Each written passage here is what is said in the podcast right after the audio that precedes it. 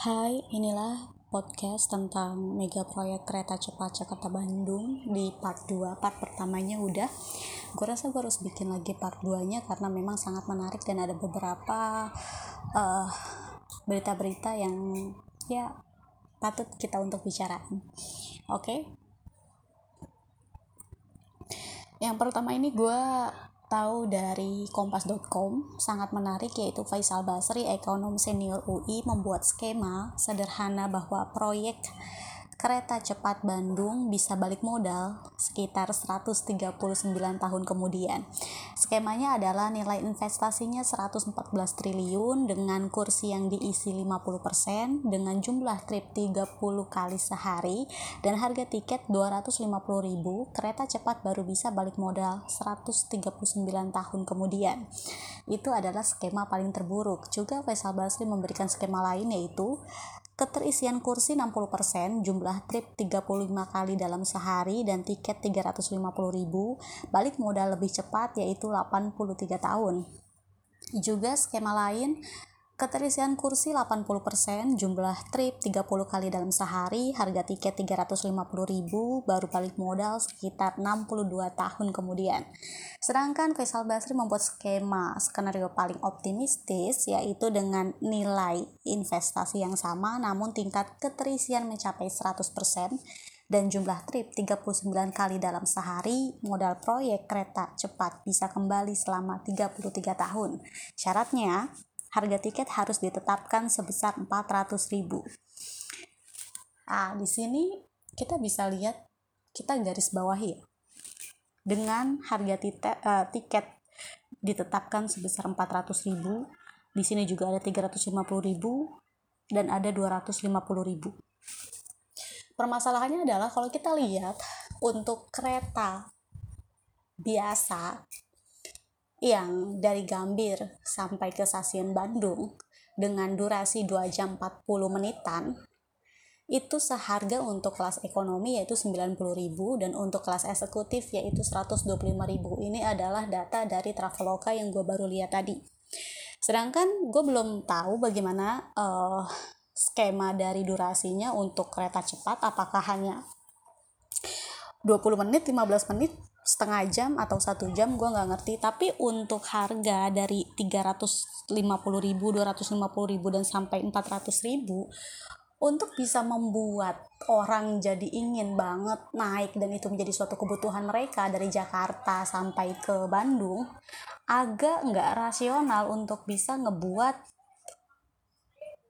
ini jadi balik modal gitu. Karena transportasi umum bisa terus berlanjut keberlanjutan dan terus juga uh, bisa menjadi pilihan dari masyarakat luas artinya pasti harus murah. Kalau kita lihat dari tiket busway 3.500 bahkan dari Tangerang Selatan mau ke Jakarta mana pun uh, dan tidak keluar dari halte mau ke Jakarta mana pun bolak-balik tetap 3.500 bayangin Nah, kalau harganya sampai 400 ribu dengan skema yang optimistis ini hmm, kayaknya juga nggak akan bisa berhasil. 250 ribu pun udah mahal banget. Berarti kan kelipatannya sudah berapa persen dari kereta biasa dengan jarak waktu tempuhnya itu 2 jam 40 menit gitu. Dan juga banyak beberapa berita juga tentang uh, beberapa permasalahan dari proyek kereta cepat Jakarta Bandung ini besi-besi yang hilang uh, terbaru juga tentang tiang yang roboh terus uh, kena ekskavator.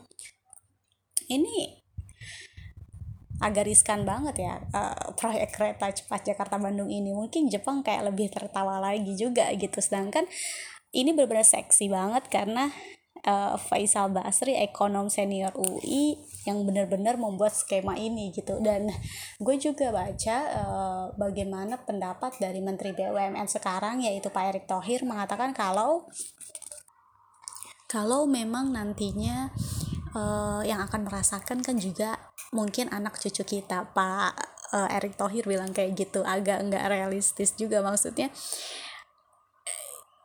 ya bagaimana bisa balik modal setelah 139 tahun gitu? Ini menurut gue yang paling realistis sih daripada yang uh, keterisian kursi 100% terus 39 trip dalam sehari gitu. Kayaknya agak sulit untuk untuk bisa sampai ke tahap itu. Jadi intinya sebenarnya apa yang mau dibuat keuntungan dari proyek kereta cepat Jakarta Bandung ini gitu kalau harganya masih nggak manusiawi harganya orang masih mikir mendingan naik kereta biasa hanya membutuhkan toh waktunya hanya 2 jam 40 menit gitu. Dan gue nggak ngerti kenapa uh, kereta cepat Jakarta Bandung ini penting banget untuk dibangun gitu. Oh, kalau kita lihat dari part pertama dengan proposal Jepang mungkin dilihat karena kehati-hatiannya juga. Makanya nggak bisa uh, eh, B2B gitu kan. Terus uh, juga mungkin melihat dari nantinya banyaknya pariwisata atau ya pergerakan uh, orang yang banyak dari Jakarta ke Bandung atau Bandung Jakarta dalam dalam bisnis atau jalan uh, dalam perjalanan bisnis dan lain sebagainya. Tapi setelah investasinya membengkak sampai 114 triliun kan ini gila juga. Kita mungkin akan bisa tahu nantinya seperti apa uh, harga yang ditetapkan ya berapa kita bisa lihat apakah banyak yang antusias apakah benar ini uh, keterisian kursinya bisa mencapai 50% misalnya. Ini masih tanda tanya dan seru banget sih untuk kita lihat.